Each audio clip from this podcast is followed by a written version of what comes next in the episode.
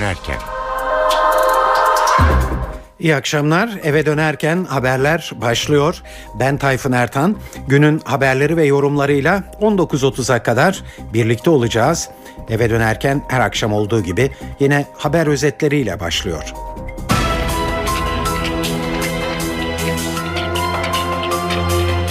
Tunceli'nin Ovacık ilçesi Cumhuriyet Başsavcısı Murat Uzun bugün bir silahlı saldırıda ağır yaralandı. Ankara'da Başbakanlıkta terör üzerine yoğun bir görüşme trafiği vardı. Başbakan Erdoğan, Adalet Bakanı ve Başbakan Yardımcısıyla bir araya geldi. Tunceli'deki saldırının yanı sıra Barış ve Demokrasi Partili milletvekillerinin dokunulmazlıklarının kaldırılması gibi konular ele alındı.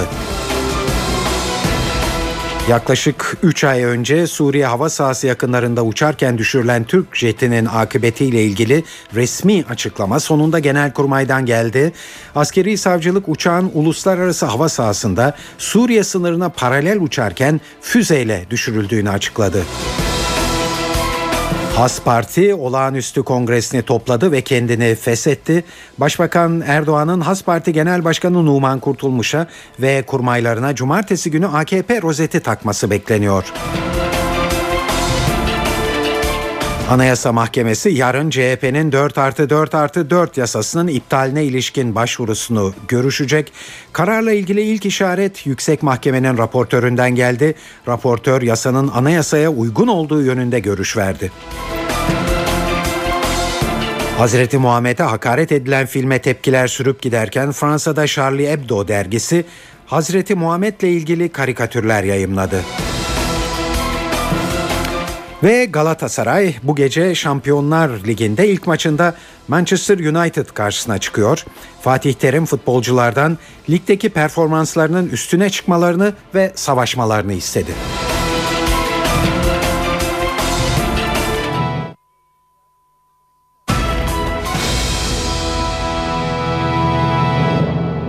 Evet şimdi bu haberlerin ayrıntılarına geçiyoruz.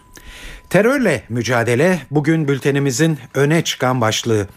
Dün Bingöl'de 10 askerin şehit olmasının ardından bugün de Tunceli'nin Ovacık ilçesi Cumhuriyet Başsavcısı Murat Uzun adliye lojmanları önünde silahlı saldırıya uğradı ve ağır yaralandı. Bu sıcak haber Ankara'ya ulaşır ulaşmaz Başbakanlık resmi konutunda yoğun bir görüşme trafiği başladı. Başbakan Tayyip Erdoğan, Adalet Bakanı Sadullah Ergin ve Başbakan Yardımcısı Beşir Atalay'la bir araya geldi. Görüşmede Tunceli'deki saldırının yanı sıra Barış ve Demokrasi Partili milletvekillerinin dokunulmazlıklarının kaldırılması gibi konular ele alındı. Başbakanlıktaki bu yoğun görüşme trafiğini NTV muhabiri Ercan Gürses takip etti. Şimdi ayrıntılara giriyoruz. Dokunulmazlıkların kaldırılması ile ilgili tartışma başkentte önemli yer işgal ederken Başbakan Recep Tayyip Erdoğan'ın bugün Başbakanlık konuttaki programı da bunun üzerineydi. Başbakan önce Adalet Bakanı Sadullah Ergin'le görüştü. Görüşmede hem dokunulmazlığın kaldırılması durumunda neler yaşanabileceği hem parti içerisinde ve hükümet içerisinde bu konudaki farklı görüşler hem de bu konudaki seçenekler masaya yatırıldı. 1 Ekim'den sonra açılacak mecliste nasıl bir formülün gündeme gelebileceği konuşuldu. Adalet Bakanı Sadullah Ergin ile Başbakanın görüşmesinde Tunceli Ovacık'ta saldırıya uğrayan başsavcı ile ilgili gelişmeler de gündeme geldi. Başbakan Recep Tayyip Erdoğan aynı zamanda Başbakan Yardımcısı Beşir Atalay'da da görüştü. Atalay'ın terörle mücadele yüksek kurulu başkanı da olması gündemin terörle mücadele ve teröre karşı yeni strateji olabileceğini gündeme getirdi. Bir diğer ayrıntı Başbakan Erdoğan Bingöl'de şehit olan 10 askerle ilgili olarak bugün Genelkurmay Başkanı Necdet Özel'e bir başsağlığı mesajı gönderdi. Mesajda son terör saldırılarının Türkiye'ye asla geri adım attıramayacağı, bu konuda kararlı oldukları ve terörle mücadelenin aralıksız süreceği yönünde Başbakan Erdoğan'ın Genelkurmay Başkanı'na ilettiği bir ifade söz konusuydu. Ercan Gürses, NTV Radyo Ankara. Evet hatırlayacaksınız PKK-BDP buluşması sonrası Başbakan Erdoğan dokunulmazlık tartışmasını yeniden başlatmış ve konunun meclis gündemine alınabileceğini söylemişti. Güneydoğu'dan üst üste gelen saldırı haberleri bu tartışmayı tabi canlı tutuyor. Bu konuda hükümetten gelen iki farklı değerlendirmeyi yansıtacağız şimdi sizlere. Başbakan Yardımcısı Bülent Arınç, BDF'li vekillerin dokunulmazlıkların kaldırılmasından yana olmadığını söyledi. HDP'li milletvekillerinin parlamentoda 400'den fazla bildiğim kadarıyla dosyası var. Bu dosyaların her biri PKK ile kucaklaşmalarından belki daha da ağırdır. Yani geçtiğimiz dönemde 2007-2011 Şimdi 2011'den bu yana bir buçuk yıl geçtiğini kabul edin veya 15 ay geçtiğini kabul edelim. O dosyalarından dolayı dokunulmazlıkların kaldırılması gündeme gelmemişse sadece bu olaydan dolayı gündeme getiriliyorsa bunun üzerine çok iyi düşünmek gerekir. Kanaatımı birkaç yerde ifade ettiğim için belki bazıları aykırı buluyorlar bu düşüncemi. Sadece o PKK, BDP buluşması, koklaşması, öpüşmesini suç kabul ederek ondan dolayı dokunulmazlık kaldırmak ne kadar ciddi bir iştir? Ve sadece bundan dolayı kaldırırsanız diğer dosyalarından dolayı yargılama yapamayacağınıza göre neyi amaçladığınızı iyi düşünmeniz lazım. Ben çok basit bir şey söylüyorum. Bütün dokunulmazlıklarla ilgili dosyaları henüz el sürmediğimize göre, bugüne kadar beklettiğimize göre yeni anayasayı çalışmaları da devam edip belki de bu yılın sonunda sonuçlanabileceğine göre dokunulmazlık konusunu bizim yeni anayasada çözmemiz lazım. Dört partinin müştereken hazırlayacağı bir anayasada dokunulmazlık nasıl tarif edilecek ve nasıl sınırlandırılacak bunu görüp yeni anayasamızdan sonraki dokunulmazlığı tekrar mecliste önümüze koymamız gerekir diye düşünüyorum. Evet bunlar Bülent Arınç'ın görüşleriydi. Kendisiyle aynı fikirde olmayan isimler de var tabii AKP'de. Bunlardan biri de Genel Başkan Yardımcısı Hüseyin Tanrıverdi.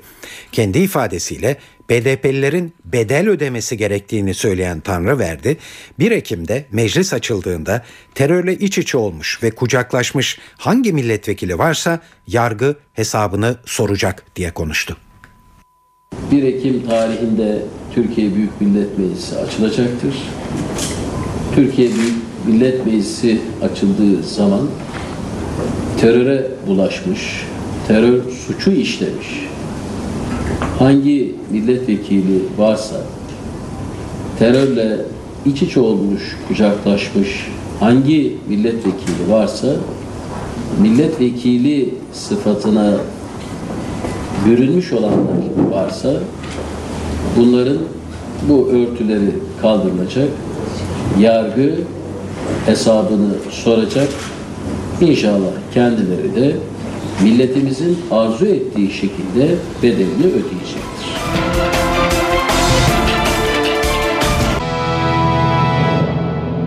Evet şimdi terör başlığı altında iki yorum yansıtalım sizlere. BDP'lilerin dokunulmazlıklarının kaldırılması konusunda hükümette bir fikir ayrılığı yaşandığını zaten şimdi yansıttık sizlere. Bu konuya Milliyet gazetesi Ankara temsilcisi e, Fikret Bila da değerlendiriyor. Bu fikir ayrılığının yeni anayasada dokunulmazlıkları düzenleyen hükümlere de yansıyabileceğini söylüyor. Evet, İktidar Partisi'nde bir e, kararlılıkta görmüyoruz. Sayın Başbakan'la da yurt dışındaki seyahatte kendisine sormuştuk. Yani yargı işlemlerini yaptıktan sonra meclise gelir, mecliste geleni yapar demekle yetindi ama mutlaka kaldırırız demedi. Dün Cemil Çiçek'le ben bir başka televizyon programında birlikteydim. E, Sayın Meclis Başkanı da e, yani sanki BDP'de e, bu işi zorlamasın e, kaldırılmayı zorunlu kılacak eylemler yapmasın eğer kaldırılmasını istemiyorlarsa diye bir uyarıda bulundu. Yani böyle mecliste iktidar grubunda çok kararlı da bir e, sonuç görmüyoruz. Tabii yeni anayasayla bu işi çözmemiz lazım gelir derken e, Sayın Arınç'ın e, dokunulmazlıklarının yeniden düzenlenmesi konusunu söylüyor. Burada tabii e, örneğin CHP'nin sadece kürsü masumiyetiyle dokunulmazlığın sınırlandırılması gibi bir yaklaşım var. E, zaman zaman iktidar partisinden ve Sayın Başbakan'dan da e, dokunulmazlığın sınırlandırılması konusunda bütün dokunulmazlıkların sınırlandırılması konusunda e, açıklamalar duyduk. Belki e, yeni e, meclisin yeni çalışma döneminde Anayasa Uzlaşma Komisyonu bu konuyu tartışabilir ama tabii şu anda problem ne kadar aciliyet taşıyor, dokunulmasının kaldırılması sorunu ne kadar çözer e, bunu hesaplamak zor. Buna yine iktidar partisi karar verecek gibi gözüküyor. Ve dünkü 10 askerin şehit olduğu Bingöl saldırısına dönüyoruz şimdi. Bu son saldırı tedbirsizlik ve ihmal tartışmalarını da başlattı bugün. 1993 yılında Bingöl'de 33 askerin şehit olmasından sonra asker sevkiyatında bazı ek güvenlik tedbirleri alınmıştı. İşte bu tedbirlere rağmen bu son saldırı nasıl gerçekleşti sorusu gündeme geldi bugün. Biz de aynı soruyu TEPAV araştırmacısı Nihat Ali Özcan'a sorduk.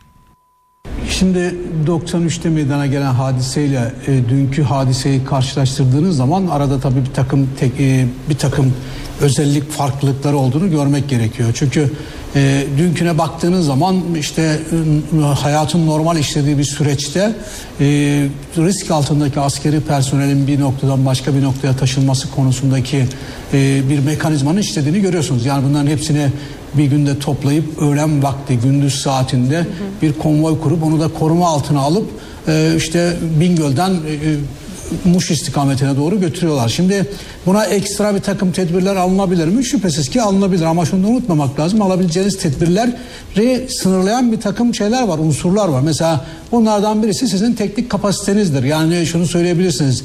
Neden işte bu e, konvoyu havadan bir kep yaparak helikopterle koruyamadınız? Şimdi her helikopter bu işi yapamaz. Bu işi yapacak helikopterlerinizin elinizdeki sayısı ve günlük bu türden nakliyatların miktarı o helikopteri başka nerelerde kullanıyorsanız bütün bunlar sizin bu alandaki faaliyetlerinizi sınırlar. Öbür taraftan işte yol kontrolü için belli noktalara e, belki e, yol emniyet unsurları çıkarılabilir miydi diye sorabilirsiniz. Şimdi Türkiye'nin karayolu ağını düşünecek olursanız 24 saat ya da herhangi bir zamanda bu kadar geniş bir ağ üzerinde sürekli kontrol kurmanız mevcut sistem içerisinde ve hukuki düzenleme içerisinde çok mümkün gözükmüyor. Evet, dünkü saldırıya ilişkin e, şüpheler MHP lideri Devlet Bahçeli'nin de gündemindeydi. Bahçeli Bingöl'deki saldırıda konvoyun güzergah bilgisini, bilgisinin sızıp sızmadığının mutlaka araştırılması gerektiğini belirtti. Bahçeli olaya emniyet ve istihbarat zaaflarının neden olduğunu ileri sürerek ara ve personel kaynaklı eksiklikler kapsamında biriken şüpheler etraflıca ele alınmalı. Görev ihmali veya dikkatsizlikten kaynaklı aymazlıklar ortaya çıkarılmalıdır diye konuştu. Evet son günlerde artan terör saldırıları muhalefetin de gündemindeydi tabii bugün. CHP ve MHP'den gelen tepkiler iktidarı suçlar nitelikteydi. Ee, Cumhuriyet Halk Partisi Grup Başkan Vekili Akif Hamza Çebi, muhalefet hükümetin güvenlik zirveleri toplamak dışında somut önlemler almasını istiyor dedi. Şehitler geliyor. Ankara'da her şehit haberinden sonra bitmeyen güvenlik zirveleri yapılıyor. Sayın Başbakan Genelkurmay Başkanı ile görüşüyor. MİT Müsteşarı ile görüşüyor. ilgili bakanlarla görüşüyor. Bitmeyen güvenlik zirvelerinden artık millet umudunu kesmiştir. Sayın Başbakan'ın eğer bir çözümü var ise bu çözümü açıklıkla ortaya koymalıdır. Telefon görüşmeleri, Obama ile görüşmeler, Barzani ile görüşmeler, her e, hükümetin her sıkıştığında Dışişleri Bakanlığı Irak'a gönderip Barzani ile görüşmesi, bütün bunlar birer oyalamadır. Evet bu CHP'nin görüşü MHP milletvekili Özcan Yeniçeri ise geçen gün genel başkanları Devlet Bahçeli'nin söylediklerini tekrar etti. Bölgede acilen olağanüstü hal uygulamasına geçilmesi gerektiğini belirtti. PKK terörizminin bu denli azmasının nedeni devleti yeniden Oslo türü bir görüşme masasına oturtmaktır. Bir Mehmetçiğin şehit olması o bölgede olağanüstü halin uygulanması e, halinde engellenecekse bu yapılmalıdır.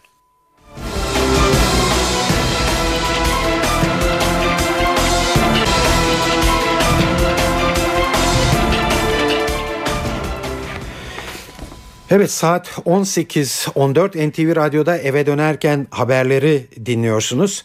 Şimdi İstanbul'daki yol durumuyla e, devam edeceğiz.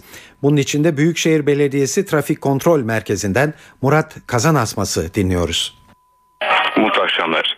Trafik yoğunluğu hem Anadolu yakasında hem de Avrupa yakası şehir trafiğinde pek fazla etkili değil. Özellikle Anadolu yakasında Çamlıca'da Altınizade yönünde aynı şekilde Altınizade sonrasında köprü yönünde hafif yoğunluk söz konusu ama sürücüleri çok da etkileyecek gibi gözükmemekte. Fatih Sultan Mehmet Köprüsü'nde Anadolu Avrupa geç Kavacık trafiği ve köprü üzerindeki hareketlilik devam ediyor. Avrupa Anadolu geçişinde Boğaziçi Köprüsü'nün girişindeki yoğunluk şu anda Zincirlikuyu'da ve Mecidiyeköy'de artmış vaziyette. Çağlayan'da ise yoğunluk şu an için etkisini artırdı. Avrupa Anadolu geçişinde Fatih Sultan Mehmet Köprüsü'nde Serantepe'nin yoğunluğunu şu anda az da olsa arttırdığını söyleyelim. Aynı noktada Fatih Sultan Mehmet Köprüsü'nün girişinde de yoğunluk devam ediyor. Cevizli Bağdam Ertel istikametinde Şirinevler'de İncirli yönünde hafif yoğunluklar var. Temde Ali Beyköy'den Mahmutlu'ya bağlantı yönünde fazla yoğunluk yaşanmazken Kemerburgaz ve Akşemsettin Viyadüğü'nde de aynı akış devam ediyor.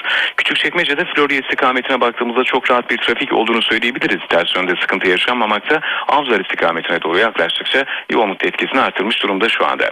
Basın Ekspres yolunda her iki istikamette de Güneşli ve Havalimanı bağlantı noktalarında sorun yaşanmamakta. Yeni kapı trafiğinde Havalimanı istikametinde az önce yoğunluk artışı başladı. Zeytinburnu ve sonrasında sadece ana yolda yoğunluk kısmen etkili ama dikkat edecek olursak transit yolun çok rahat olduğunu söyleyebiliriz. Bu noktada ciddi bir yoğunluk yaşanmadı.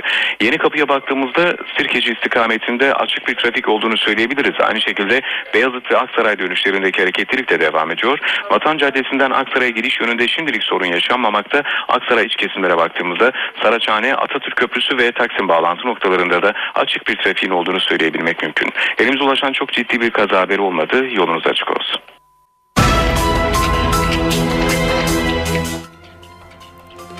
Evet, e, günün gelişmeleriyle e, devam ediyoruz. Yaklaşık 3 ay önce Suriye semaları yakınlarında uçarken düşürülen Türk jetinin akıbetiyle ilgili resmi açıklama sonunda Genelkurmay'dan geldi.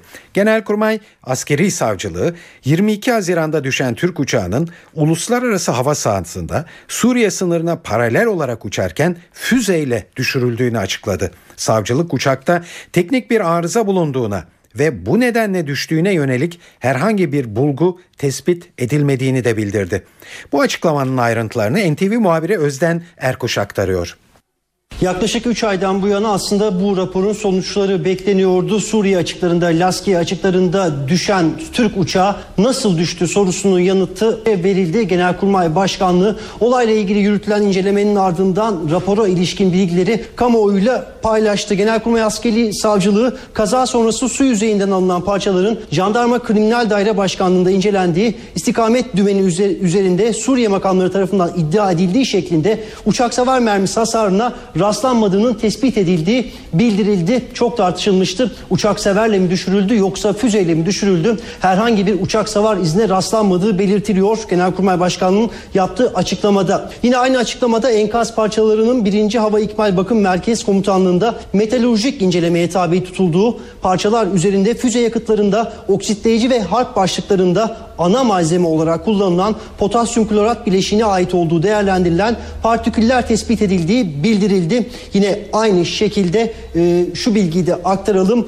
Uçağın düşürülmesiyle ilgili yapılan açıklamada kaza kırım inceleme raporunda sonuç olarak uçağımızın Doğu Akdeniz'de uluslararası hava sahasında uçarken Suriye hava savunma unsurları tarafından atılan füzenin sol arka tarafında patlayarak blast etkisi yaratması sonucunda uçağın ve pilotların uçuş şartlarını sağlayamayacak şekilde etkilenmesi nedeniyle uçağın sola dönüşte irtifa kaybedip sola hafif yatıştı ve burun yukarı pozisyonda suya çarptığı kanaati belirlenmiştir ifadelerine yer veriliyor. Genelkurmay askeri savcılığının ilk bulguları bu şekilde tekrar edelim 22 Haziran'da Suriye açıklarında Türk jeti düşmüştü. İşte buna ilişkin olarak ilk inceleme sonuçları açıklandı. Herhangi bir şekilde uçak savar ateşiyle değil bir füze isabeti sonucuyla Türk uçağının düşürüldüğü bu rapor sonucunda ortaya koyulmuş oldu.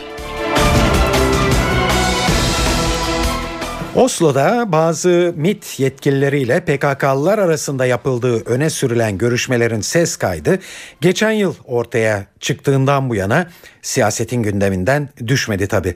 Son olarak CHP'li Haluk Koç'un Oslo görüşmelerinin belgelerini kamuoyuyla paylaşması sonrasında Başbakan Yardımcısı Bülent Arınç'tan bugün oldukça dikkat çekici bir açıklama geldi. NTV Ankara temsilcisi Nilgün Balkaç'ın sorularını yanıtlayan Arınç, terörü sona erdirmek için MIT bütün bağlantıları dikkate alır, ihtiyaç olursa yine görüşülür, belki de görüşülüyordur dedi. Terörün sona ermesi için her şey yapılmalı, her şey konuşulmalı denen bir siyasi partinin hüküm parti sözcüsü üstelik genel başkanından farklı bir tavır içerisinde. Diyelim ki Sezgin Tanrıkulu'ndan farklı, Faruk Loğlu'ndan farklı, ondan farklı, bundan farklı bir tavır içinde AK Parti'yi Oslo görüşmeleriyle vurmaya çalışıyor. O zaman da başbakanımız ifade etti. Hükümette temsilen hiçbir görüşme yapmadık biz. Ama devlet geçmişte de olduğu gibi istihbaratla yani bu işleri yapmakla görevli olan aygıtını kullanarak görüşme yapmış olabilir. Bugün yazı yazanlar, çizi çizenler, siyasetçiler ne diyorlar? Ne yapın, ne yapın, ne yapın bu terörü bitirin. Bu görüşmeye tekrar ihtiyaç var mı bu tür görüşmeye efendim? İhtiyaç olursa görüşülür. Belki de görüşülüyor. Yani en azından MIT açısından. Yani MIT çünkü bu terörü sona erdirmek için bütün bağlantıları dikkate alır. Gider Avrupa ile görüşür, gider Doğu ile görüşür, Batı ile görüşür, içeride istediğiyle Şu anda da görüşür. devam ediyor Bunu olabilir ben bilmem. Yani ediyordur etmiyordur. MIT'in görevi bu. Esasen kanununda da zaten bu işi yapanlara bir korunma zırhı getirilmiştir. Bunu bir savcı görmedi. Savcı görsün diye daha büyük harflerle yazdık kanunu değiştirdik. MIT bunu yapmazsa suçlu olur zaten. Görevini yapmamış olur. MIT veya MIT'in benzeri kurumların bu tür temaslar yapmasında yanıltıcı da olabilir, hedefe giden de olabilir, palavradan da olabilir, gösteri içinde olabilir, senaryo da olabilir, tiyatro da olabilir. Yapar bunu. Şanlıurfa'nın Akçakale ilçesine komşu sınır kapısı bugün Suriyeli muhaliflerin eline geçti. Özgür Suriye ordusu ile ordu birlikleri arasında dünden bu yana yaşanan şiddetli çatışmalar Türkiye tarafından da endişeyle izlendi. Çünkü Akçakale'de ve ilçeye bağlı köylerde bazı evlere kurşun isabet etti. Hatta biri çocuk 3 kişi de yaralandı bu yüzden. Çatışmaların gölgesindeki Akçakale'de bugün ilçe merkezi ve bazı köylerde eğitime de bir gün ara verilmek zorunda kalındı. Ayrıntıları NTV bölge temsilcisi Nizamettin Kaplan'dan dinliyoruz. Bilindiği üzere dün öğlen saatlerinde başlamıştı buradaki çatışmalar. Ee, Esad askerlerinin elindeydi Tel Abyad sınır kapısı ve dün sabah, dün öğlen saatlerinde başlayan ve bugün öğlene kadar de devam eden çatışmalar sonunda Özgür Suriye ordusu kapının kontrolünü ele geçirdi ve eski bayrağı indirerek yeni Özgür Suriye bayrağını astı ve bu çatışmalarda da şu ana kadar 36 asker yaşamını yitirdi. Bu askerlerden 30'u Esad'a bağlı, diğer 6'sı ise Özgür Suriye ordusunun askerleri. Ve bu arada çatışmalarda yaralananlar da ambulanslarla yine Türkiye'ye getirildi. Akçakale ve Şanlıurfa'daki hastanelere götürülerek tedavi altına alındılar. Biz yayınımızı yaparken daha doğrusu yayına başlamadan önce sürekli top sesleri geliyordu. Ee, 20-25 kilometre ileride Suriye'nin biraz daha iç kısmında çatışmaların devam ettiği bilgisi geliyor. Esad'a bağlı e, tankların da yine bu sınır kapısının e, kaptırılması, sınır kapısının el değiştirmesi üzerine bölgeye doğru geldi ve yeniden sınır kapısını ele geçirmek için çatışmaların başladığı bilgisi elimize ulaşıyor. Akçakale'de okullar bir günlüğüne tatil edildi. İlçe merkezi ve sınır köylerindeki e, okullar özellikle genel anlamda zaten tatil edilmişti ama özellikle sınır köylerindeki e, okulların e, bu e, uygulamadan e, daha çok e, yararlandığını söyleyebiliriz. E, dün çünkü çatışmalar sırasında Akçakale ilçesinde biri çocuk 3 kişi yaralanmıştı seken kurşunlardan dolayı. Belediye sürekli anonslar yaparak özellikle sınıra yakın yerlerde oturan vatandaşların evlerini terk etmemelerini istemişti. İşte böylesine e, kritik bir e, zaman sürecindeyiz ve burada da e, sürekli çatışma e, sesleri, silah sesleri ve top mermisi sesleri geliyor. Adalet ve Kalkınma Partisi ile bütünleşme sürecinde gözlerin çevrildiği Has Parti olağanüstü kongresini topladı bugün ve kendini feshetti. Parti başkanlığı önünde toplanan bir grup partili ise fesih için toplanan kongreyi protesto etti. Cumartesi günü Başbakan Erdoğan'ın Numan Kurtulmuş'a ve kurmaylarına AKP rozeti takması bekleniyor. Kongreden notları NTV muhabiri Miray Aktağ Uluç'tan alıyoruz. Siyasi hayatına 1 Kasım 2010 tarihinde başlamıştı Has Parti 22 aydır faaliyetlerini sürdürüyordu ve bugün yapılan büyük olağanüstü kongreyle kendini feshetti. Numan Kurtulmuş yaptığı konuşmada kendisiyle beraber e, bu yolda devam eden arkadaşlarına teşekkür etti. E, muhaliflere yönelik de bazı e, ifadeler kullandı ve kimseyle gizli kapaklı pazarlıklar içerisinde olmadık dedi Numan Kurtulmuş burada yaptığı konuşmada. Muhaliflerin bundan önce Numan Kurtulmuş'tan önce oylamalar başladığı sırada yaptığı bazı konuşmalar vardı. Muhaliflerin konuşmaları sırasında aslında ufak tefek gerginlikler yaşandı diyebiliriz. Has Parti'nin bu son kongresinde, Fesih Kongresi'nde 222 kurucular kurulu üyesinin oyları e, burada sayıldı. Onlar arasından 179'u oy kullandı. Zira muhaliflerden bir bölümü e, protesto edilmesi yönünde bir çağrı yaptı. E, sandığa gidilmemesini istedi ve 179 kişinin oy kullandığı bilgisi geldi ve bu 179 e, kurucular kurulu üyesinden 165'i e, olumlu yönde e, partinin kapatılması yönünde oy kullanınca Has Parti'nin de resmen kapandığı kamuoyuyla paylaşıldı. Peki bundan sonra ne olacak? E, büyük ihtimalle cumartesi günü Genel Başkan Has Parti'nin eski genel başkanı Numan Kurtulmuş ve kurmayları İstanbul'da gerçekleştirilecek bir törenle Başbakan Erdoğan tarafından AK Parti rozetini takacaklar. Evet yeni eğitim sistemi 4 artı 4 tartışmalı haliyle de olsa uygulamaya başladı hafta başında biliyorsunuz ama Konunun bir başka ucu var. O da e, Cumhuriyet Halk Partisi hatırlayacaksınız belki bu yasa meclisten geçtikten sonra Anayasa Mahkemesi'ne başvuruda bulunmuştu iptali doğrultusunda.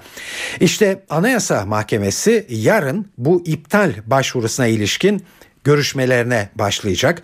Kararla ilgili ilk işaret diyebilirsek eğer o işaret yüksek mahkemenin raportöründen geldi. Raportör yasanın anayasaya uygun olduğu yönünde görüş verdi ve CHP'nin iptal talebinin tabi reddedilmesini istedi.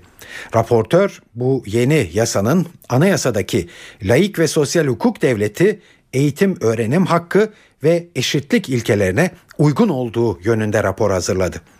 Davaya ilişkin olarak Milli Eğitim Bakanlığı'ndan da görüş alındı. Bakanlık mahkemeye gönderdiği kapsamlı görüş yazısında sistemin evrensel ilkelere uygun olduğunu savundu. Yüksek Mahkeme CHP'nin kanundaki ilkokula başlama yaşının erkene çekilmesi, zorunlu eğitimi 4 artı 4 artı 4 olarak kademeli hale getirmesi ve ortaokulların ilkokullarla veya liselerle birlikte kurulabilmesi hükümlerinin iptaliyle ilgili taleplerini görüşecek. Ayrıca İmam Hatip ortaokullarının açılması, müfredata seçmeli olarak Kur'an-ı Kerim ve Hazreti Muhammed'in hayatı derslerinin eklenmesi ve kanunda Hazreti Peygamberimiz ifadesinin geçmesiyle ilgili hükümlerin iptali de Anayasa Mahkemesi'nin gündeminde olacak.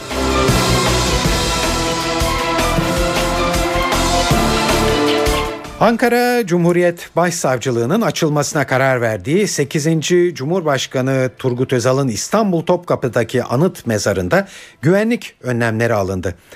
Mezarın ne zaman açılacağı henüz netleşmiş değil. Ayrıntılı bilgiyi NTV muhabiri Deniz Tüysüz anlatıyor.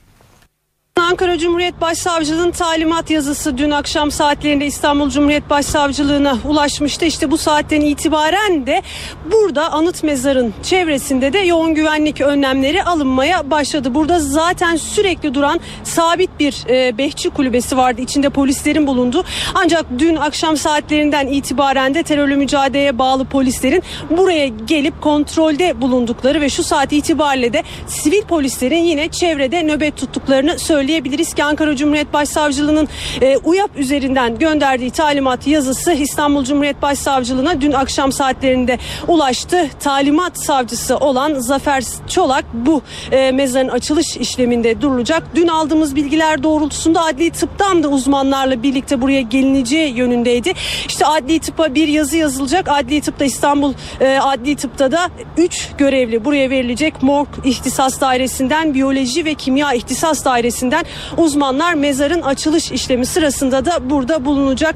8. Cumhurbaşkanı merhum Turgut Özal'ın buradaki naaşından kalanlar toplanacak diyebiliriz. Diş örnekleri varsa eğer alınacak, saç ve kemik ve de kefeninden kalan varsa yine toplanacak ve İstanbul Adli Tıp Kurumu'na götürülecek.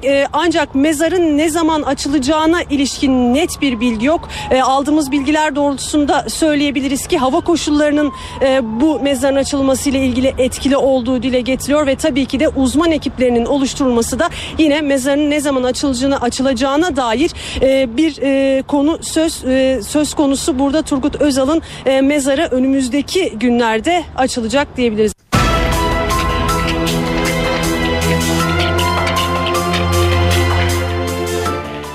Evet şimdi dış dünyada en çok konuşulan, en çok dikkati çeken ve dikkat toplayan haberlerle devam ediyoruz. Hazreti Muhammed'e hakaret edilen filme tepkiler sürüp gidiyor malum ama aynı konuda yeni bir kriz ortaya çıktı şimdi. Fransa'da Charlie Hebdo dergisi Hazreti Muhammed'le ilgili karikatürler yayımladı ve ayrıntıları NTV muhabiri Kayhan Karaca'nın Strasbourg'dan geçtiği haberde dinliyoruz. Evet e, bu karikatürler Fransız hükümetini kaygılandırıyor, korkutuyor. Fransız siyasetini de bölmüş durumda. Ee, daha e, yayınları yayınlanır yayınlanmaz karikatürler Fransa'da iç siyaset malzemesi haline geldi. E, hemen e, Fransız hükümeti cephesinden başlayayım. E, Fransız hükümeti hem iç e, piyasada ulusal planda hem de uluslararası planda e, taşkınlıkları olası taşkınlıkları engellemeye çalışıyor. Fransa'da e, 5 milyondan fazla Müslüman yaşamakta. Öte yandan Fransa Dışişleri Bakanı e, Laurent Fabius de e, yurt dışındaki Fransız temsilciliklerine veya Fransız okullarına e, veya diğer diğer Fransız şirketlerine e, yönelik saldırıların önlenmesi e, için e, e, girişim başlattıklarını duyurdu. E, özellikle e, bazı e, hassas ülkelerde ki bunların başında Endonezya sayıyor e, Fransız medyası bunu gösteriyor. Endonezya'daki Fransız okulları bugün kapatıldı. E, Cuma günü de yaklaşık 20 e, Müslüman ülkede e, Fransız diplomatik temsilciliklerinin ve okullarının kapatılacağı açıklandı. Bu ülkelerin adları şimdilik açıklanmış değil. Öte yandan e, sağ ve e, sol e, siyaset siyasiler e, konu hakkında bölünmüş durumdalar. E, e, bazı siyasiler ifade özgürlüğüdür bu. E, dergi bu karikatürleri yayınlayabilir derken e, bazı diğer siyasiler de sağcı olsun solcu olsun tahrikten söz ediyorlar. Yahudi cemaati ikiye bölünmüş durumda. Yahudileri temsil eden bazı kuruluşlar tahrikten söz ediyor. Diğerleri ise ifade özgürlüğü diyor. Aynı aynen siyasilerde olduğu gibi. Öte yandan çok enteresan bir tepki de Paris e, Başpiskoposu e, Monseigneur André Ventois'dan geldi. André Ventois e, bu tür tahrikler kendilerine gösterilen ilgiyle beslenir. Ben bu nedenle ilgi göstermiyorum ama çok sayıda Müslümanın tepkisine e, neden olacaktır dedi. Öte yandan bir de çelişki var. E, bu çelişkide e, dergileri, karikatürleri yayınlayan bu dergi aşırı solcu bir dergi olarak bilinmekte. Ancak bu dergiye gelen en büyük destek bugün aşırı milliyetçi parti, aşırı sağcı parti Ulusal Cephe'den geldi. Ulusal Cephe'nin lideri Marine Le Pen e, İslamcılara karşı e, bu karikatürleri savunduğunu belirten bir açıklamada bulundu. Evet şimdi konuyu biraz daha açalım. Acaba Charlie Hebdo dergisi nasıl bir dergi ve yayınladığı karikatürler basın özgürlüğü anlamında nasıl tepki alıyor Fransız kamuoyunda? Bir de acaba Fransa'daki Müslüman toplum böylesi gelişmeler karşısında nasıl bir tavır alacak? Bu soruları Strasbourg Üniversitesi'nden sosyoloji profesörü Profesör Samim Ergönül'e sorduk. Charlie Hebdo bir anarşist bir dergi. Hiçbir politikası gerçekten çok provokatif, provokatif bir yayın politikası. Bunu da ifade özgürlüğü çerçevesinde değerlendiriyorlar. Yani sadece İslam'a ya da İslam'ın değerlerine değil, her türlü e, itaat kurumuna, her türlü otoriteye, devlet olsun, Hristiyanlık olsun, efendim ne bileyim çeşitli kurumlar olsun ve bütün dinler e, için e, bu tip provokatif şeyler yayınlayan e, bir bir dergi. E, açıkçası derginin e, e ana teması bu. O yüzden şaşırmamak gerekiyor. Zaten daha önce de e, üç kere, iki, daha önce iki kere yani toplamda üç kere bu tip şeyler olmuştu. Fransa'da yaşayan aşağı yukarı Müslüman olarak kategorize edilen 5 milyon kişi var. Bunların hepsi inanmış ya da ne bileyim e, e, dini vecibelerini yerine getiren Müslümanlar değil elbette ama küçük bir azınlık gerçekten radikal e, Müslümanlar ve Müslümanlıkları üzerinden tanınmak istiyorlar. Bu Müslümanlar da bu tip olaylar olduğunda kendilerine kendi ülkelerinin e, bir hakaret ettiğini düşünüyorlar. O yüzden de e, gerçekten gösteriler olabiliyor ve toplumdaki kırılganlıklar artabiliyor. O yüzden de Fransız otoriteleri e, bunun e, işte e, fazla bir etkisi olmaması gereken bir provokasyon olduğunu, sorumsuzluk olduğunu vesaire açıklamaya çalıştılar. Fakat açıklamaların hemen hemen hepsinde ifade özgürlüğüne de vurgu e, yapıldı ve herhangi bir devlet kurumunun bir basın e, organının yayınına karışamayacağı da bildirildi. Bugün önümüzdeki konunun iki tane boyutu var. Bir tanesi dediğim gibi Fransa'nın iç koezyonuna, iç uyumuna e, etki yapacak bir e, bir konu. Çünkü Fransa'daki Müslümanlar e, artık kendi kimliklerinin e, e, hem başkalıklarının hem aynılıklarının tanınmasını istiyorlar. Diğer taraftan da biliyorsunuz artık e, küreselleşmiş dünyada bu iş Fransa ile sınırlı kalmıyor. Yani e, herhangi bir Batı ülkesinde gerçekleştirilen bir e, e, bir işte e, provokasyon diyelim bir hakaret olarak algılanan bir e, bir eser e, hemen Müslüman dünyasında bir şiddet e, tepkisi vermeye yol açıyor. Bu da çok ilginç bir şey çünkü e, e, bu insanlar, bu provokasyonu yapan insanlar İslam'ı ve Müslümanları bünyelerinde şiddet e, e, e, olan, bünyelerinde e, e, şiddeti dahil eden insan olarak göstermeye çalışıyorlar ve tepki ne oluyor? Gerçekten ortaya bir şiddet e, çıkıyor. Yani bir nevi bu insanların yaptıkları eleştiriler hakaret de olsa eleştiriler bir nevi yüzeysel olarak haklı durumuna e, durumuna giriyor. İşte bence de en büyük tehlike bu. Evet Strasbourg Üniversitesi'nden sosyoloji profesörü Samim Akgönül yanıtlıyordu sorularımızı. Hazreti Muhammed'e hakaret eden filme öfke dinmiyor. Filistin ve Pakistan'daki eylemlerde tansiyon oldukça yüksekti bugün. Kudüs'te sokağa dökülen yüzlerce kişi önce filmi protesto etti. Daha sonra da İsrail'in kontrolündeki geçiş noktalarını hedef aldı. Taş ve havai fişek fırlatan kalabalığa İsrail güvenlik güçleri göz yaşartıcı gazla karşılık verdi. Pakistan'ın Karachi kentinde Amerikan konsolosluğu yakınlarında toplanan kalabalıksa Amerikalı yetkililerin sınır dışı edilmesini istedi. Peşaver kentinde ise güvenlik güçleri göstericilere müdahale etti. Polis gözle, göstericileri göz yaşartıcı gaz ve plastik mermi kullanarak dağıtmaya çalıştı. Çıkan arbede de yaralananlar oldu. Fransa Cumhurbaşkanı François Hollande tüm dünyada yankıları süren Hazreti Muhammed filmiyle ilgili bir değerlendirmede bulundu. Hollande, İslamiyet'in din adına konuştuklarını iddia eden bazı kişilerin sandığından daha hoşgörülü bir medeniyet barındırdığını söyledi. Hollande, Fransa'nın her türlü insan onuru ve ifade özgürlüğü ihlaline karşı duracağının da altını çizdi. L'honneur des civilisations islamiques İslamiyet'in gururu İslam adına konuşan bazı grupların sandığından daha eski, canlı ve daha hoşgörülü bir medeniyet olmasına dayanır. İslam adına nefret ve şiddet olaylarını körükleyenlerin gerçekte İslam'ın kendi değerini ihanet eden gericilik ise bunun tam tersidir.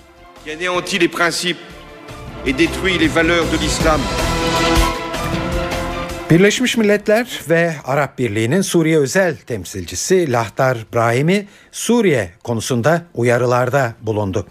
Şam'da Suriye lideri Beşar Esad'la görüşen ardından da Türkiye ve Ürdün'e sığınan Suriyelilerin bulunduğu kampları ziyaret eden özel temsilci durumun giderek kötüleştiğine vurgu yaptı. Lahtar Brahimi yaşanan krizin sadece Suriye için değil bölge güvenliği açısından da tehdit oluşturduğunu söyledi.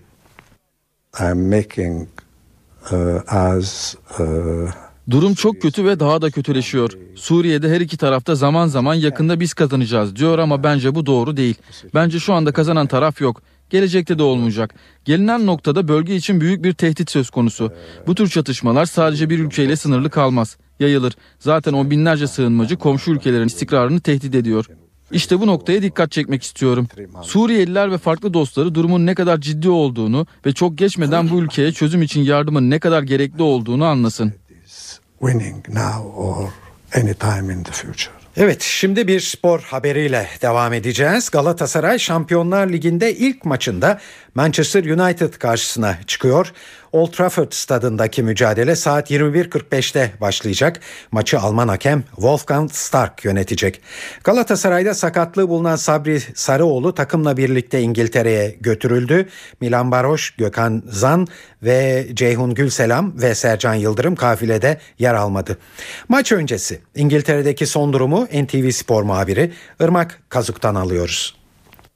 Galatasaray tam 6 sezon sonra Şampiyonlar Ligi arenasına bir kez daha bugün resmi olarak ayak basacak. Dün öğlen saatlerinde Manchester'a geldi. Havalanında oldukça güzel görüntülerle karşılandı. Sarı kırmızılı takım e, bir ara sarı kırmızı taraftarlar ve güvenlik güçleri arasında bir arbede yaşansa da yöneticilerin ve teknik direktör Fatih Terim'in müdahalesiyle bu olaylar çok da büyümeden e, kapanmış oldu diyelim. Akşam saatlerinde ise basın toplantısı vardı. Basın toplantısının sonrasında Old Trafford stadının çimlerine sarı kırmızılı futbolcular çıktı ve de son taktik çalışmasını gerçekleştirdiler. Bugün rakip Manchester United oldukça güçlü bir takım 17 senedir üst üste Şampiyonlar Ligi'nde boy gösteriyor. Belki geçtiğimiz sezon kötü bir performans sergilemiş ve de erken bir e, çıkış yaparak Şampiyonlar Ligi'nden UEFA Avrupa Ligi'nde yoluna devam etmiş olsa da oldukça köklü tarihi olan çok güçlü bir ekip e, ama teknik direktör Fatih Terim'in dün basın toplantısında söylediği gibi ben oyuncularımdan sadece çıkıp oynamalarını istiyorum. E, kazanmak olay kaybetmek çok kolay şeklinde o unutulmaz felsefesinde bir kez daha hem bizler hem de İngiliz meslektaşlarımızın karşısında bir kez daha sarf etmiş bulundu teknik direktör Fatih Terim. Dolayısıyla bugün Galatasaray'ın e, oyun şablonunda ve futbol felsefesinde aslında çok da büyük bir değişiklik olması beklenmiyor. Hem Galatasaray'ın bugün kalesinde Fernando Muslera yer alacak. Geri dörtlüye baktığımızda Ebu Semih Kris, Hakan Balta, orta alanda Hamit Altıntop, Selçuk Melo ve Amrabat ileride ise Umut Bulut, Elmander ikisinin bugün Old Trafford'da Manchester United'a karşı Galatasaray'ın iki gol silahı olması bekleniyor. Diyelim saat 21.45'te başlayacak bu Şampiyonlar Ligi açılış maçında temsilcimiz adına Evet Galatasaray Teknik Direktörü Fatih Terim Şampiyonlar Ligi'nde ilk maçı Manchester United'la oynamanın dezavantaj olacağını söyledi hem de deplasmanda. Terim futbolculardan ligdeki performanslarının üstüne çıkmalarını ve savaşmalarını istedi. Türkiye'nin tabii tek şampiyonlar temsili biz de herhalde bütün ülkenin gözünün burada olmasının sebebi odur. Ee, bir de tabii Manchester dünyanın her tarafında sevilen, tanınan bir takım. Böyle baktığımızda herkesin konsantresinin maça, maçta olması çok doğal. Ancak tabii ben tek başıma değil oyuncularımla bir şeyim, takımımla bir şeyim, kulübümle bir şeyim. Dolayısıyla oyuncularım işin e, en önemli kısmını halledecekler inşallah. E, o yüzden başlangıcının burada olması hem iyi hem kötü. İyiliği Manchester'da her halükarda her yerde oynayacaksınız. Birinci maç, diğer maçların önünüzde olması bu maçtan sonra belki bir iyi olarak düşünülebilir ama kötülüğü bir iki Kuluj veya Braga ile oynayıp da Manchester'la oynamak da özellikle 5-6 senedir Avrupa'da oynamayan Galatasaray için bir deneyim olabilirdi. Şu anda en iyi birkaç takımından biriyle oynuyoruz. Özellikle Şampiyonlar Ligi'nin ilk üçündeki takımlardan bir tanesiyle oynuyoruz. Bunu kabul edelim. Manchester'da Old Trafford'da da oynamak çok kolay bir şey değil. Türkiye'de oynadığımız kupa maçı, lig maçı, süper kupa maçı hiçbirinin performansı oradaki koydukları ortaya performans bu maç için yetmez. Net ve açık. Onun üstüne çıkmaları gerekir. Eh, evet Fatih Terim'i dinliyorduk. Nezleli bir sesle konuşuyordu. Bu e, haberimizi bir hatırlatmayla noktalayalım. 21.45'te başlayacak karşılaşma NTV Radyo'dan naklen yayınlanacak. Dolayısıyla radyolarınızı değiştirmeyin isterseniz şimdiden burada tutabilirsiniz. Saat 18.53 şimdi yurt genelinde hava tahminleri için NTV Meteoroloji Editörü Gökhan Abur'a iyi akşamlar diliyoruz. Hepinize iyi akşamlar. Serin ve yağışlı hava kuzey kesimlerdeki etkisini sürdürüyor. Batı ve iç kesimlerde de sıcaklıklar 2-3 derece azaldı. Cuma günü Trakya'dan başlayarak hava daha da serinleyecek ama önümüzdeki hafta sert Poyraz'a rağmen sıcaklıkların yine yükselmesini bekliyoruz. Yarın Karadeniz boyunca yağış aralıklar devam ederken akşama doğru Edirne ve Kırklareli'nden başlayarak Trakya yeni bir yağışlı havanın etkisine girecek. Cuma günü Marmara'da hava serinlerken Trakya'da yağış giderek etkisini kaybedecek ama Marmara'nın doğusu, Batı ve Orta Karadeniz'de ise sağanaklar devam edecek. Cumartesi günü Doğu Karadeniz sağanakların çok daha güçlü ve çok daha kuvvetli olmasını bekliyoruz. İstanbul'da yarın hava parçalı bulutlu, rüzgar hafif, sıcaklık 28 dereceye çıkacak ama cuma günü yağmur bekliyoruz. Ankara yarın parçalı bulutlu, sıcaklık biraz azalıyor ve 28 derece olacak. Gece sıcaklığı ise 15 dereceye inecek. İzmir'de rüzgar zayıf, hava açık ve sıcaklık 30 dereceye çıkacak ama cuma günü hava daha serin olacak.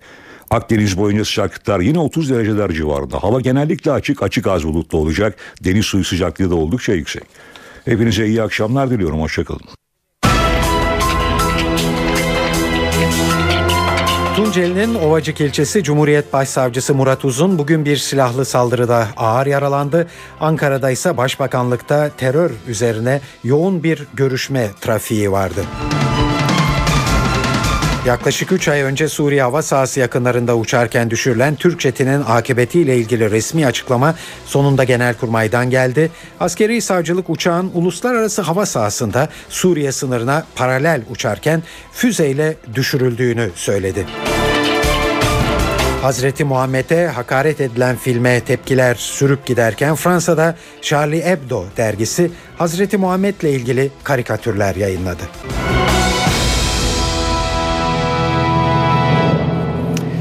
Şimdi ayrıntılara geçiyoruz. Evet terörle mücadele bugün bültenimizin öne çıkan başlığı. Dün Bingöl'de 10 askerin şehit olmasının ardından bugün de Tunceli'nin Ovacık ilçesi Cumhuriyet Başsavcısı Murat Uzun adliye lojmanları önünde silahlı saldırıya uğradı ve ağır yaralandı. Bu sıcak haber Ankara'ya ulaşır ulaşmaz Başbakanlık resmi konutunda yoğun görüşme trafiği de başladı. Başbakan Recep Tayyip Erdoğan, Adalet Bakanı Sadullah Ergün ve Başbakan Yardımcısı Beşir Atalay bir araya geldiler. Görüşme trafiğini NTV muhabiri Ercan Gürses takip etti. Dokunulmazlıkların kaldırılması ile ilgili tartışma başkentte önemli yer işgal ederken Başbakan Recep Tayyip Erdoğan'ın bugün Başbakanlık konuttaki programı da bunun üzerineydi. Başbakan önce Adalet Bakanı Sadullah Ergin'le görüştü. Görüşmede hem dokunulmazlığın kaldırılması durumunda neler yaşanabileceği hem parti içerisinde ve hükümet içerisinde bu konudaki farklı görüşler hem de bu konudaki seçenekler masaya yatırıldı. 1 Ekim'den sonra açılacak mecliste nasıl bir formülün gündeme gelebileceği konuşuldu. Adalet Bakanı Sadullah Ergin'le Başbakanın görüşmesinde Tunceli Ovacık'ta saldırıya uğrayan başsavcı ile ilgili gelişmeler de gündeme geldi. Başbakan Recep Tayyip Erdoğan aynı zamanda Başbakan Yardımcısı Beşir Atalay'da da görüştü. Atalay'ın terörle mücadele yüksek kurulu başkanı da olması gündemin terörle mücadele ve teröre karşı yeni strateji olabileceğini gündeme getirdi. Bir diğer ayrıntı Başbakan Erdoğan Bingöl'de şehit olan 10 askerle ilgili olarak bugün Genelkurmay Başkanı Necdet Özel'e bir başsağlığı mesajı gönderdi. Mesajda son terör saldırılarının Türkiye'yi asla geri adım attıramayacağı, bu konuda kararlı oldukları ve terörle mücadelenin aralıksız süreceği yönünde Başbakan Erdoğan'ın Genelkurmay Başkanı'na ilettiği bir ifade söz konusuydu. Ercan Gürses, NTV Radyo Ankara. Evet hükümet böyle ele aldı terörle mücadele konusunu. Tabi artan terör saldırıları sadece hükümetin değil muhalefetin de gündeminde. CHP ve MHP'den gelen e, tepkiler iktidarı suçlar nitelikte oldu bugün. CHP Grup Başkan Vekili Akif Hamza Çebi muhalefet hükümetin güvenlik zirveleri toplamak dışında somut önlemler almasını istiyor dedi. Şehitler geliyor. Ankara'da her şehit haberinden sonra bitmeyen güvenlik zirveleri yapılıyor. Sayın Başbakan Genelkurmay Başkanı ile görüşüyor. MİT müsteşarıyla görüşüyor. ilgili bakanlarla görüşüyor. Bitmeyen güvenlik zirvelerinden artık millet umudunu kesmiştir. Sayın Başbakan'ın eğer bir çözümü var ise bu çözümü açıklıkla ortaya koymalıdır. Telefon görüşmeleri, Obama ile görüşmeler, Barzani ile görüşmeler, her e, hükümetin her sıkıştığında Dışişleri Bakanlığı Irak'a gönderip Barzani ile görüşmesi bütün bunlar birer oyalamadır.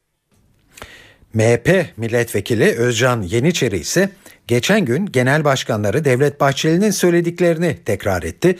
Bölgede acilen olağanüstü hal uygulamasına geçilmesi gerektiğini ileri sürdü. PKK terörizminin bu denli azmasının nedeni devleti yeniden Oslo türü bir görüşme masasına oturtmaktır. Bir Mehmetçiğin şehit olması o bölgede olağanüstü halin uygulanması e, halinde engellenecekse bu yapılmalıdır. Evet Oslo konusu tabi hassas bir konu. Oslo'da bazı MIT yetkilileriyle PKK'lılar arasında yapıldığı öne sürülen görüşmelerin ses kaydı geçen yıl ortaya çıktığından bu yana siyasetin gündeminde bugün bile vardı. Duyduğunuz gibi az önce.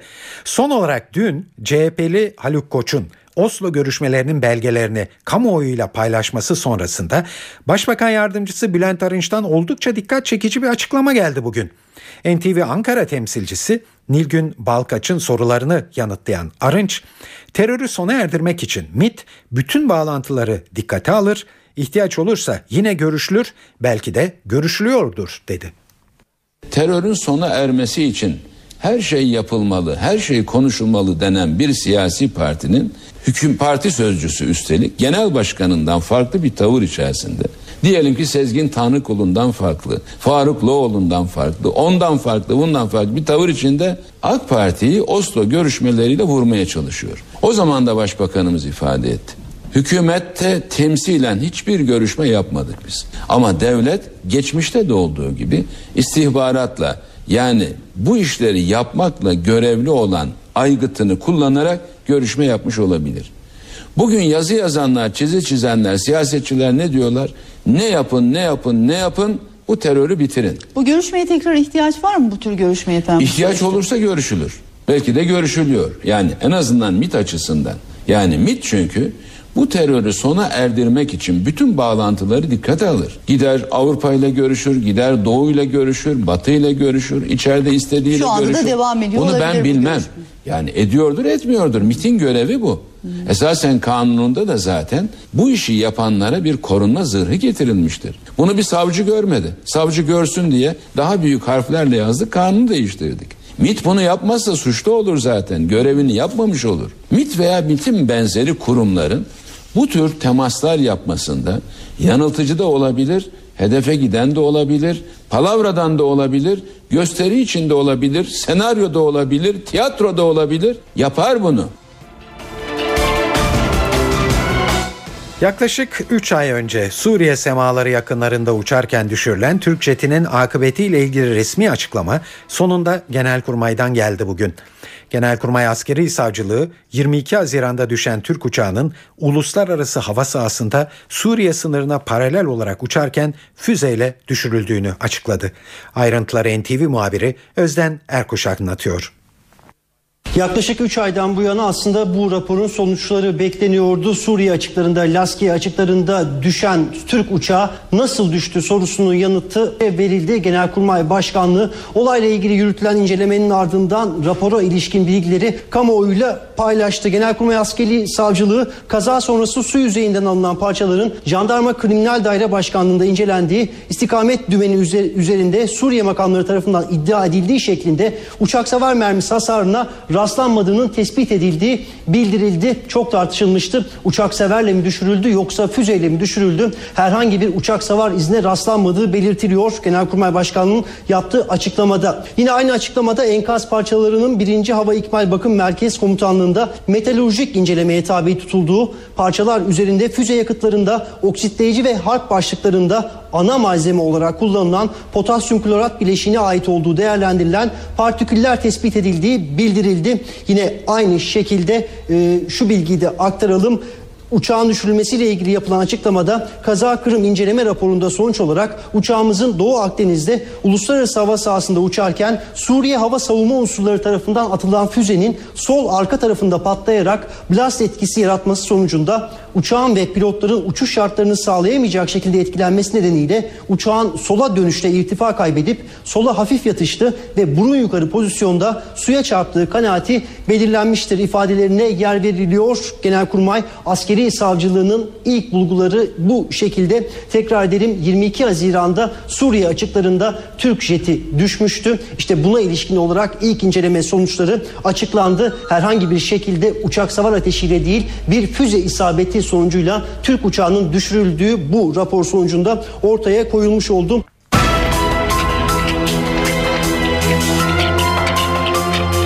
Hazreti Muhammed'e hakaret edilen filme tepkiler sürüp giderken aynı konuda yeni bir kriz patlak veriyor gibi gözüküyor.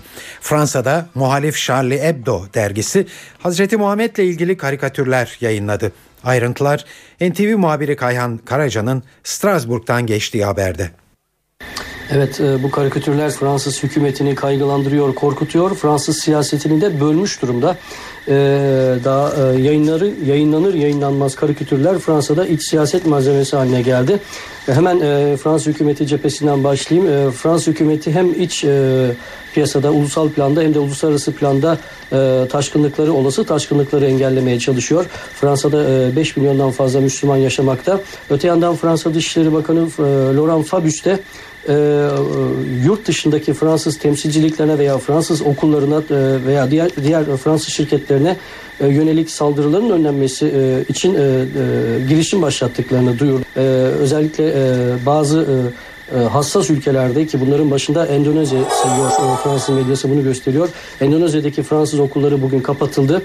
Cuma günü de yaklaşık 20 Müslüman ülkede Fransız diplomatik temsilciliklerinin ve okullarının kapatılacağı açıklandı. Bu ülkelerin adları şimdilik açıklanmış değil. Öte yandan sağ ve sol siyaset siyasiler konu hakkında bölünmüş durumdalar. Bazı siyasiler ifade özgürlüğüdür bu. E, dergi bu karikatürleri yayınlayabilir derken e, bazı diğer siyasiler de sağcı olsun solcu olsun tahrikten söz ediyorlar.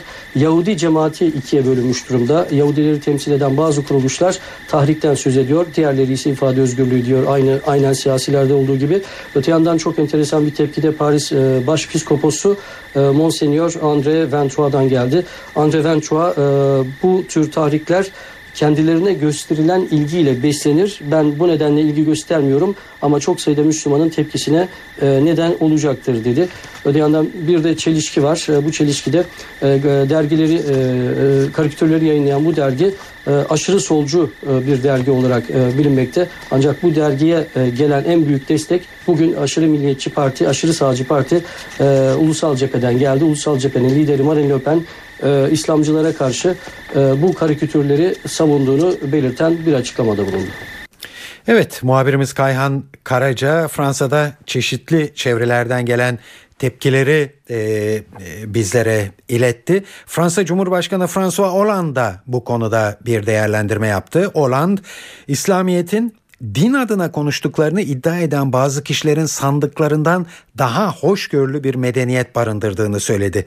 Hollande Fransa'nın her türlü insan onuru ve ifade özgürlüğü ihlaline karşı duracağının da altını çizdi.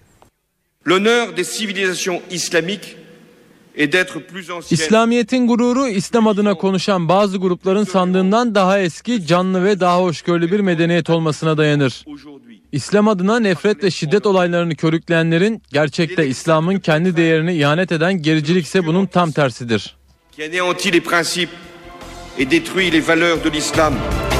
Evet şimdi konuyu biraz daha açalım. Acaba Charlie Hebdo dergisi nasıl bir dergi ve yayınlanan karikatürler basın özgürlüğü anlamında nasıl tepki alıyor?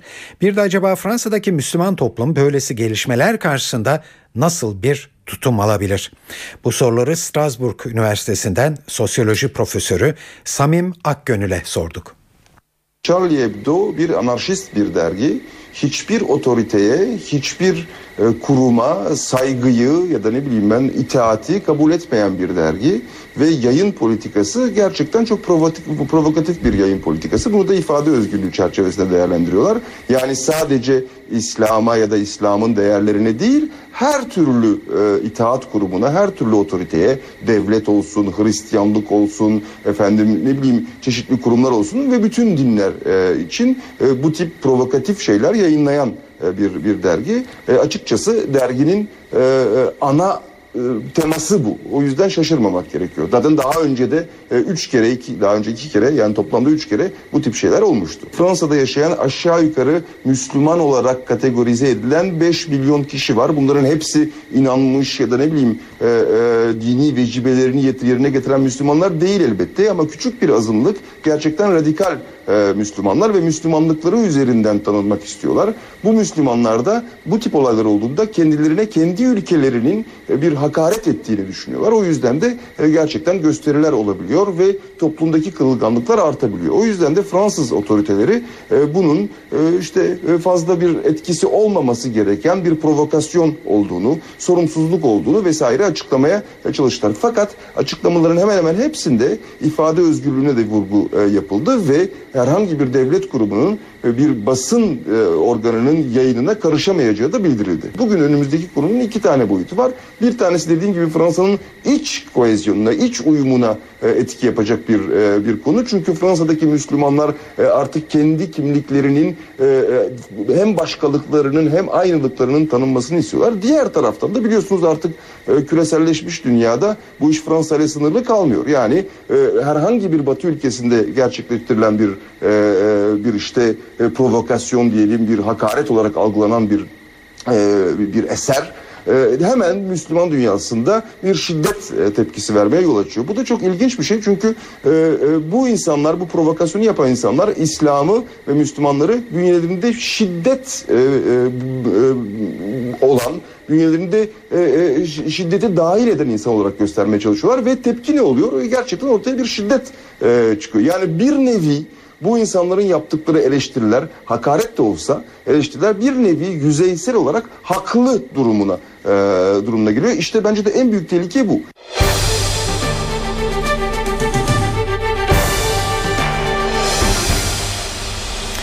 Evet sırada para ve sermaye piyasalarında bugün yaşanan gelişmeler var. CNBC'den Benel Hızarcı'yı dinliyoruz. Piyasalarda kar satışlarının etkili olduğu bir günü geride bıraktık. Oysa güne başlarken Japonya Merkez Bankası'nın getirdiği ek parasal genişlemenin e, kattığı bir olumluluk vardı. Avrupa ve Amerikan Merkez Bankalarından sonra dün de Türkiye Cumhuriyet Merkez Bankası'nın bir nevi parasal e, genişleme adım atmasından sonra e, sabah Japonya Merkez Bankası'yla bu hamleler devam etti. E, bu pozitif hava Avrupa tarafında açılışa yansıdı. Ancak daha sonra e, Avrupa Merkez Bankası'nın tahvil alımına dair belirsizliklerin sürüyor olması ve İspanya bankalarına dair çıkan olumsuz haberlerle etkisini çabuk kaybetti. Özellikle e, daha çok öncü endeks e, diyebileceğimiz e, Almanya DAX önderliğinde daha önce önemli primler yakalayan borsa ve emtialar için e, bugün biraz da kar satışı diyebileceğimiz satışlar gelmeye ve destek seviyeleri test edilmeye e, başlandı. E, şimdilik söylediğimiz gibi e, kar satışı olarak izleniliyor bu satışlar. Bunların karşılanma gücü haber akışına göre e, seyir e, kısa vadede yönü belirleyecek gibi gözükmekte. E, günün sonunda İstanbul Menkul Kıymetler Borsası'nda %0,72'lik bir değer kaybı söz konusu. Endeks 67.115 puandan bugünü tamamladı. Euro dolar paritesi günün sonuna doğru 1.30-50 civarında işlem gördü. Sabaha göre çok fazla değişmediğini söyleyebiliriz. Kurlar bugün sakindi. Dolar Türk Lirası günü 1.79.40'dan Euro TL'de 2.34'ten tamamladı. Eve dönerken haberlerde sırada kültür ve sanat faaliyetlerinden derlediğimiz haberler var.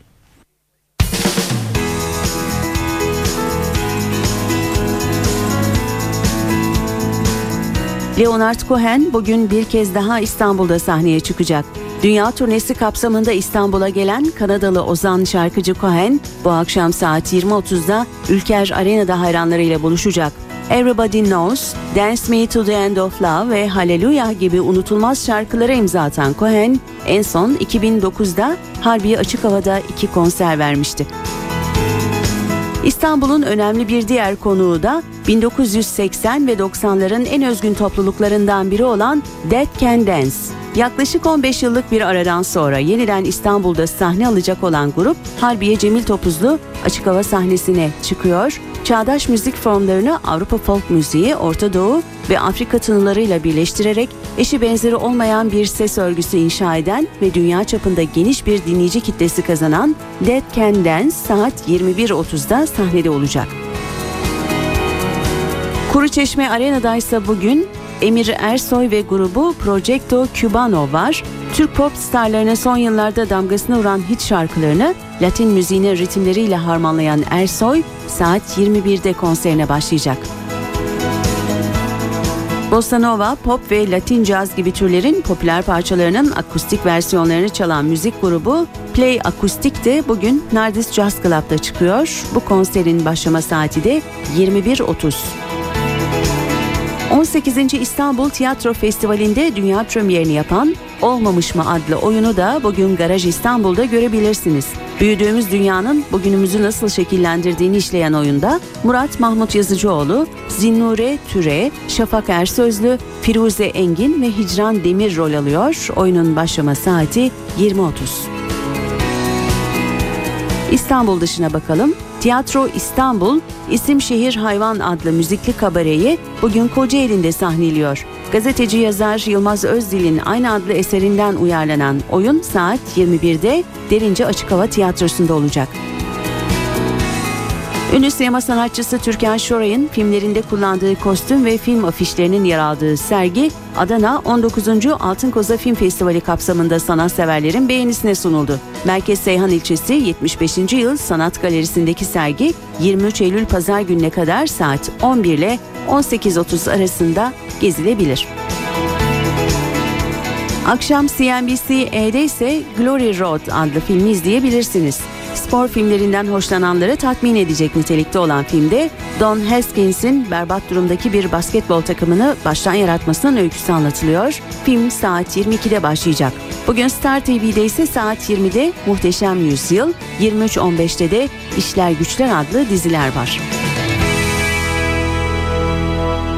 Eve dönerken haberler bu akşam burada sona eriyor. Ufak bir hatırlatma Galatasaray Şampiyonlar Ligi'nde bu gece ilk maçında Manchester United karşısına çıkıyor. 21.45'te başlayacak karşılaşma ve NTV Radyo'dan canlı olarak dinleyebileceksiniz. Evet burada noktalıyoruz yayınımızı. Ben Tayfun Ertan. Hepinize iyi akşamlar diliyorum. Hoşçakalın. NTV Radyo, habere ulaşmanın en kolay yolu.